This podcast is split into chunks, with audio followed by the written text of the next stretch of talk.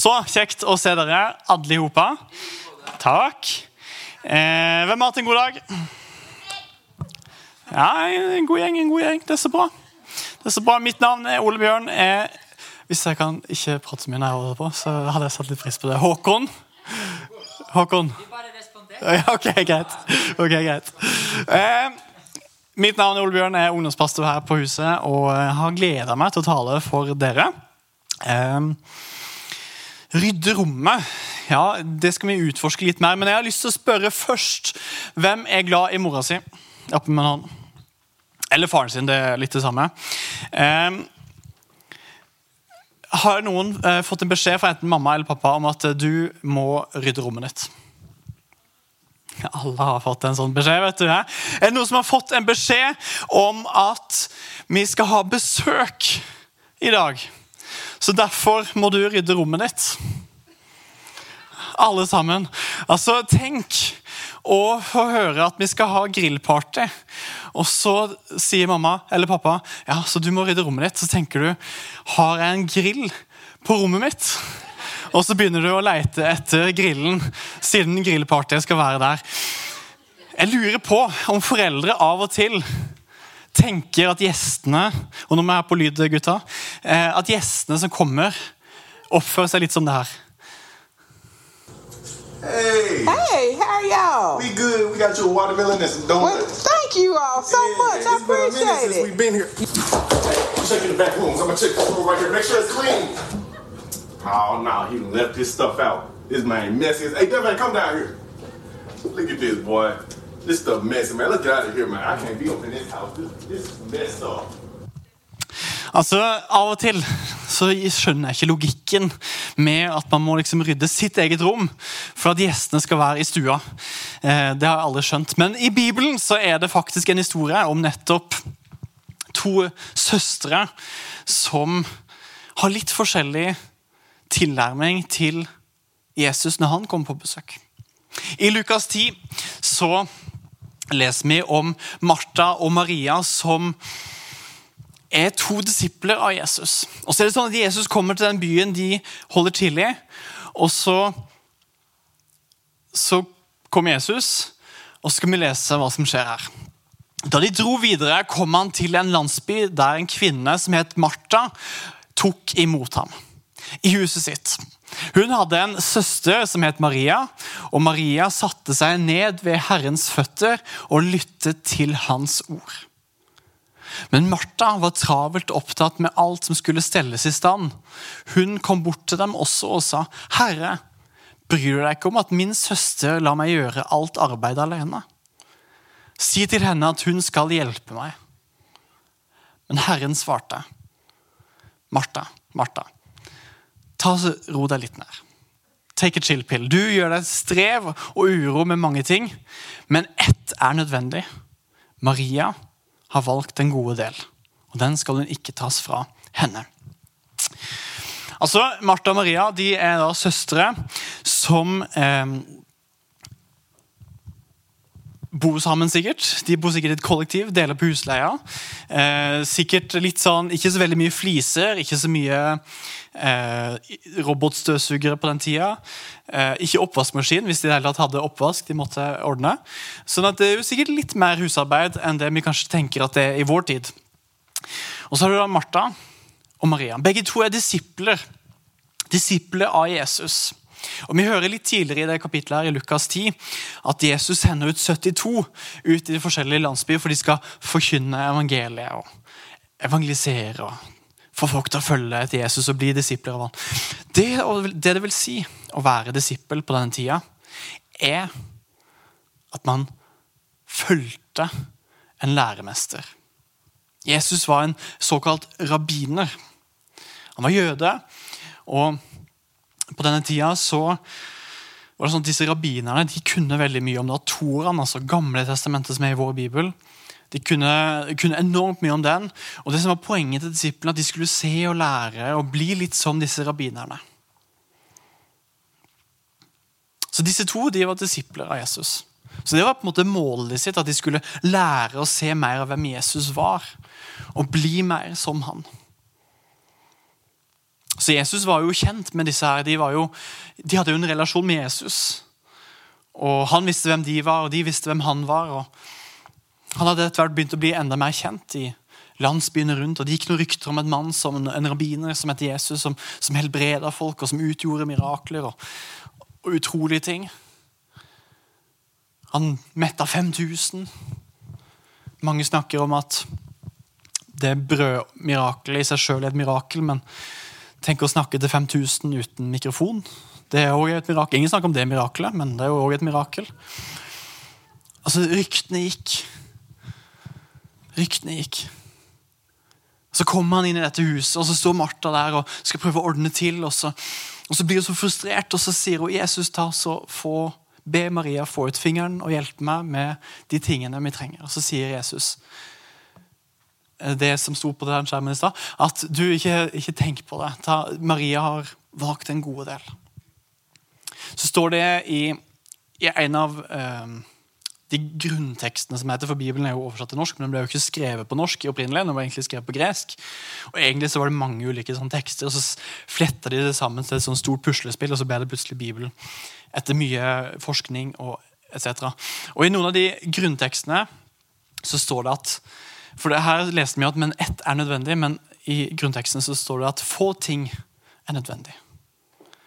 Og Maria har valgt en god del.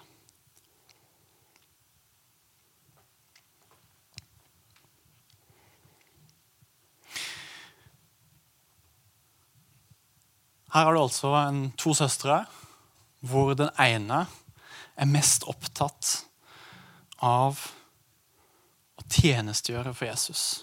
Mest opptatt av å vise han godhet, vise han gjestfrihet, tjene, som sagt.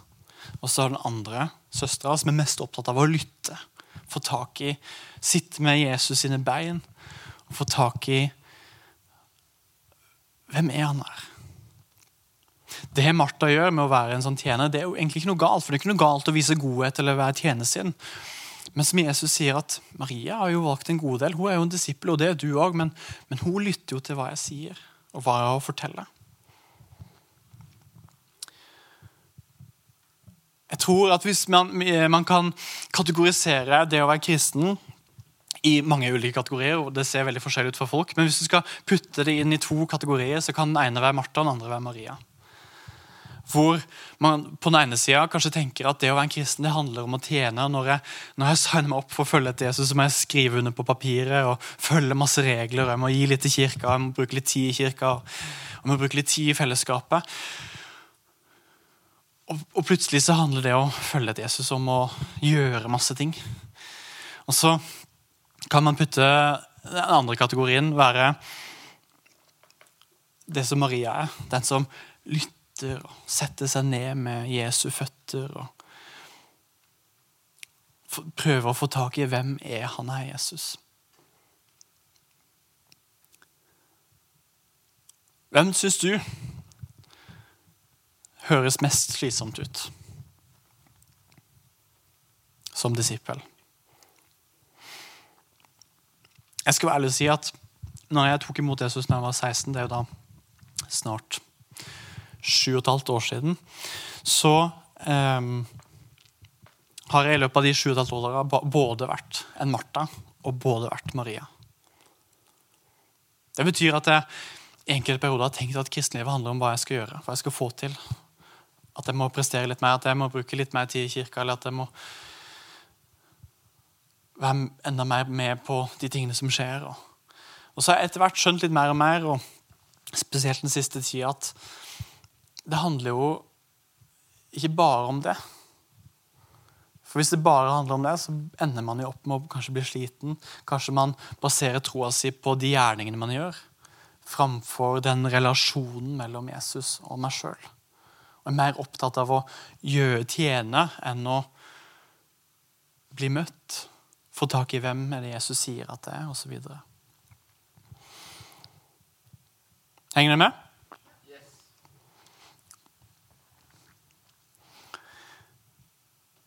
Jeg vet ikke hvor du plasserer deg sjøl, men når vi snakker om eh, Teams og være med på torsdagene og være med på her på Join G18, enten bare komme og henge eller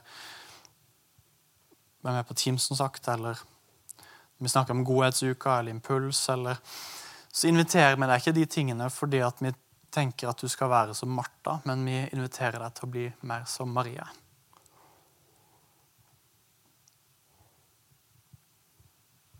Som først og fremst er opptatt av å få tak i hvem er det Gud er. Det er derfor vi har Join.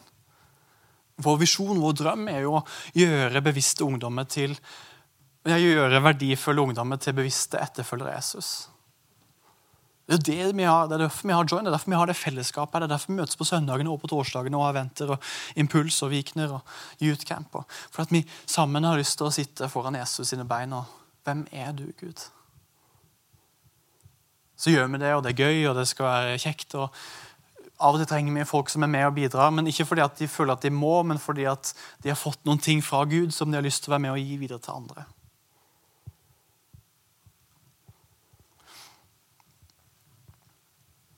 Jeg snakker, begynte uh, den talen her å snakke om det å rydde rommet sitt.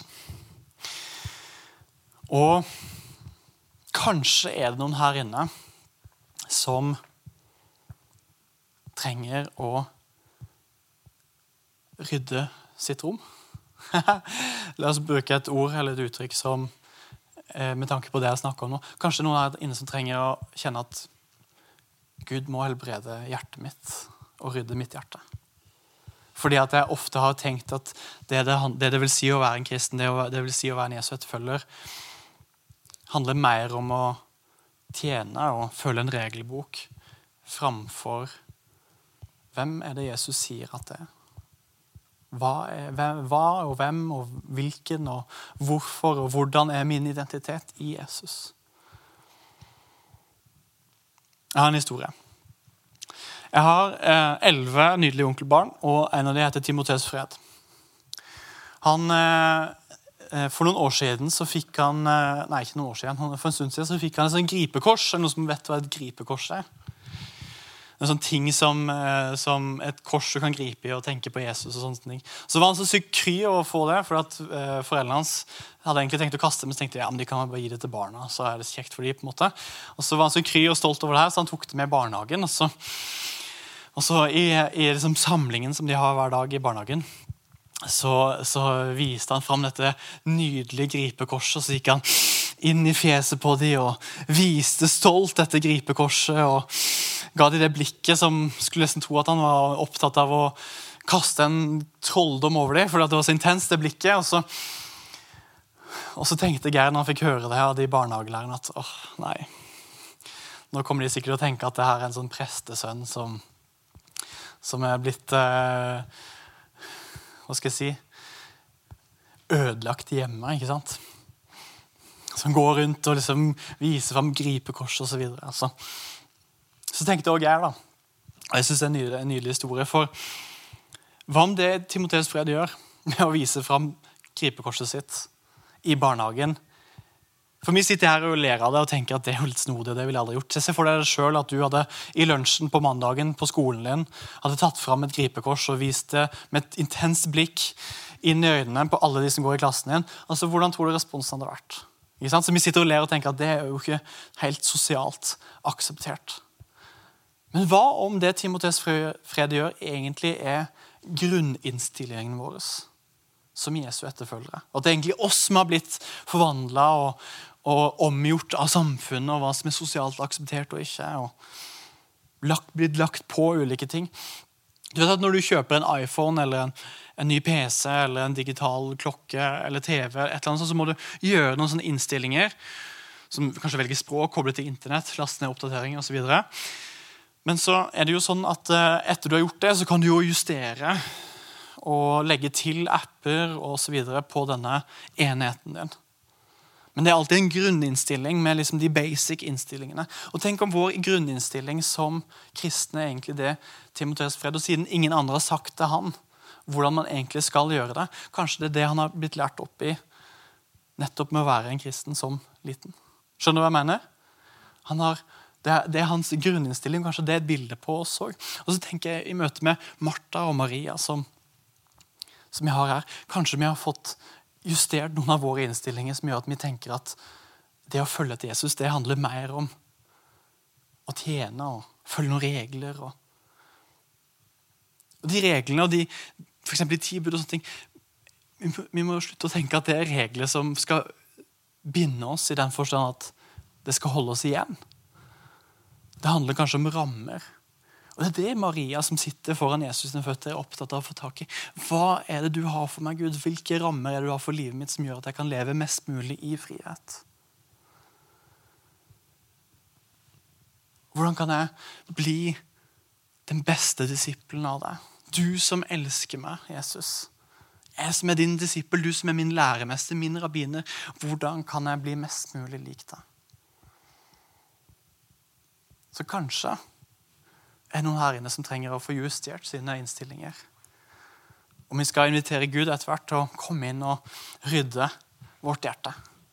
Men jeg skal vise tolv sannheter som står i Bibelen om identitet og hvem er det Jesus sier at vi er. For det er det Maria er ute etter når hun sitter foran Jesus sine føtter. og ute etter å få tak i hvem er det Jesus sier at det er. Så er dere klare? Én er klar. Det er helt nydelig. Da blir dere andre klare sikkert når vi kommer til sånn 10-11. og Da er det bare én igjen, og da er, helt, da er vi ferdige. Så den første I Johannes 1, 12 står det men alle som tok imot ham, dem ga han rett til å bli Guds barn. De som tror på hans navn. Punkt nummer én du er Guds barn. Tenk, Hvis du skal bruke ti sekunder på å tenke gjennom den setningen Du er Guds barn.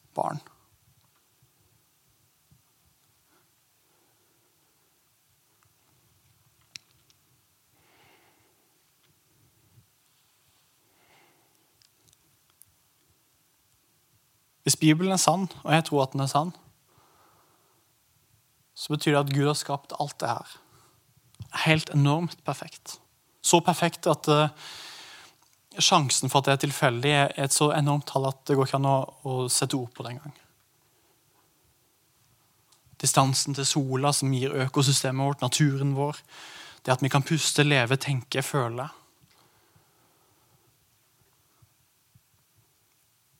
Og alle de overnaturlige tingene som ikke kan forklares, som helbredelse, det vi tror at Gud taler til oss. Han som har skapt alt og er den som opprettholder alt. Ja, det fins ondskap i verden. Ja, det fins ting som er utfordrende. Men Gud gir også et løfte om at de tingene skal forsvinne i evigheten i himmelen. Så han som elsker oss, han som har skapt oss, vi får lov til å være hans barn. Det i seg sjøl er en enorm og stor tanke. Punkt nummer to. I Johannes 15, 25. Jeg kaller dere ikke lenger tjenere, for tjeneren vet ikke hva Herren hans gjør. Jeg kaller dere derfor for venner. For jeg har gjort kjent for dere alt jeg har hørt av min far. Punkt nummer to. Jeg, eller du, er Jesu sin venn. Det betyr at han som ofrer livet sitt for at du skal få lov til å ta imot Gud og bli ren og ikke syndfri, men at all synden man har gjort og kommer til å gjøre, og som har skjedd i sitt liv, blir lagt på han. Det tenker ikke Gud på når han ser oss. Vi får lov til å leve i frihet. Han som ofrer livet sitt for meg og deg, han er òg vår venn. Punkt nummer tre. I Romerne 5.1 da vi, altså, da vi altså er rettferdige ved tro, har vi fred med Gud ved vår Herre Jesus Kristus. Du har fred med Gud nettopp for det jeg sa, av at han har tatt alle våre synder. Vi trenger ikke å komme i møte med Gud med skam, men vi kan få lov til å legge fra oss det vi måtte kjenne på av utfordringer og det som er vondt. Nummer fire. I ham er vi kjøpt og fri, og vi har fått tilgivelse for syndene. Du er tilgitt, Jesus har kjøpt deg fri. Og nummer fem.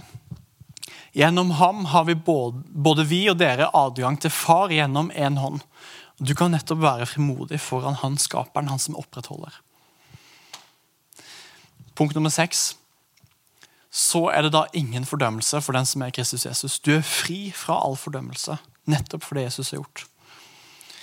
Nummer sju. Hvem kan anklage dem? Gud Hvem kan anklage dem Gud har utvalgt? Gud er den som frikjenner. Hvem kan da fordømme? Kristus Jesus er den som døde. Ja, mer enn det.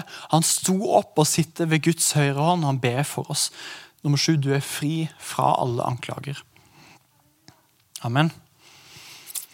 Eh, som hans medarbeidere oppfordrer vi dere til å ikke å ta imot Guds nåde ved forgjeves. Du er Guds medarbeider, du er ikke en tjener. Du får lov til å være med på det Gud gjør, men du er medarbeider. Han utruster oss med nådegaver, med eh, ferdigheter, med tanker, ideer, kreativitet.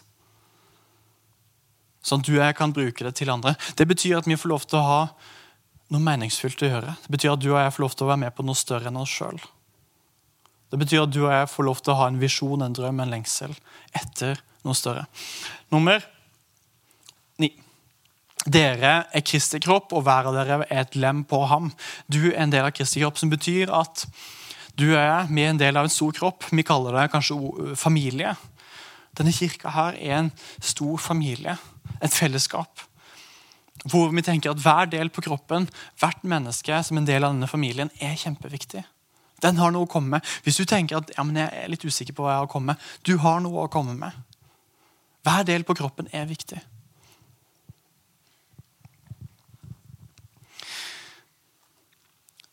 Eh, tiende sannheten om eh, hvem vi er gjennom Jesus. For vi er hans verk, skapt i Kristus Jesus til gode gjerninger, som Gud på forhånd har lagt ferdige for at vi skal kunne vandre i dem. Du er skapt av Gud. Nummer 11. Alt makter er ham som gjør meg sterk. Du er sterk i Kristus. Og det siste dere har ikke utvalgt meg, men jeg har utvalgt dere og satt dere fri til å gå ut og bære frukt en frukt som varer. Da skal Far gi dere alt dere ber om i mitt navn. Nummer 12, selv om det står 11 der. Du er utvalgt av Jesus til å bære frukt. Dette var tolv superraske, og det fins mye mer i Bibelen. Og Derfor vi ønsker å bruke tid i Bibelen, nettopp fordi vi har lyst til å få tak i enda mer av de sannhetene om hvem vi er. Men jeg tror det er noe av dette her som Maria var ute etter når hun satt foran Jesus og lytta til Jesus. Få tak i hvem er det Jesus sier at det er. Kanskje er det en av de tolv, eller noen helt andre som du har kanskje hørt tidligere, som tenker at det der må jeg få tak i mer av i mitt liv akkurat nå. Og det har jeg lyst til at vi skal bruke litt tid på. Så Måten vi gjør det på, er at vi skal være helt stille. Helt rolige. Lukke øynene våre. Og så inviterer jeg deg, Gud, til å fortelle oss hvem du sier at vi er i det akkurat nå. Far, vi ber om å få bli mer som Maria som er den som lytter til deg. Mer enn at vi er opptatt av å tjene.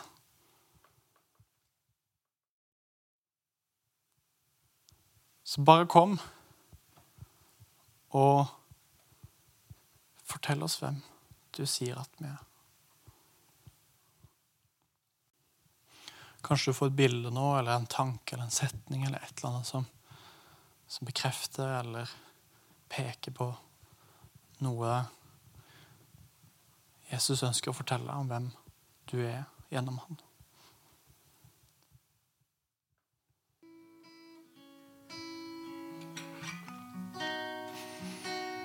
I Jesu navn.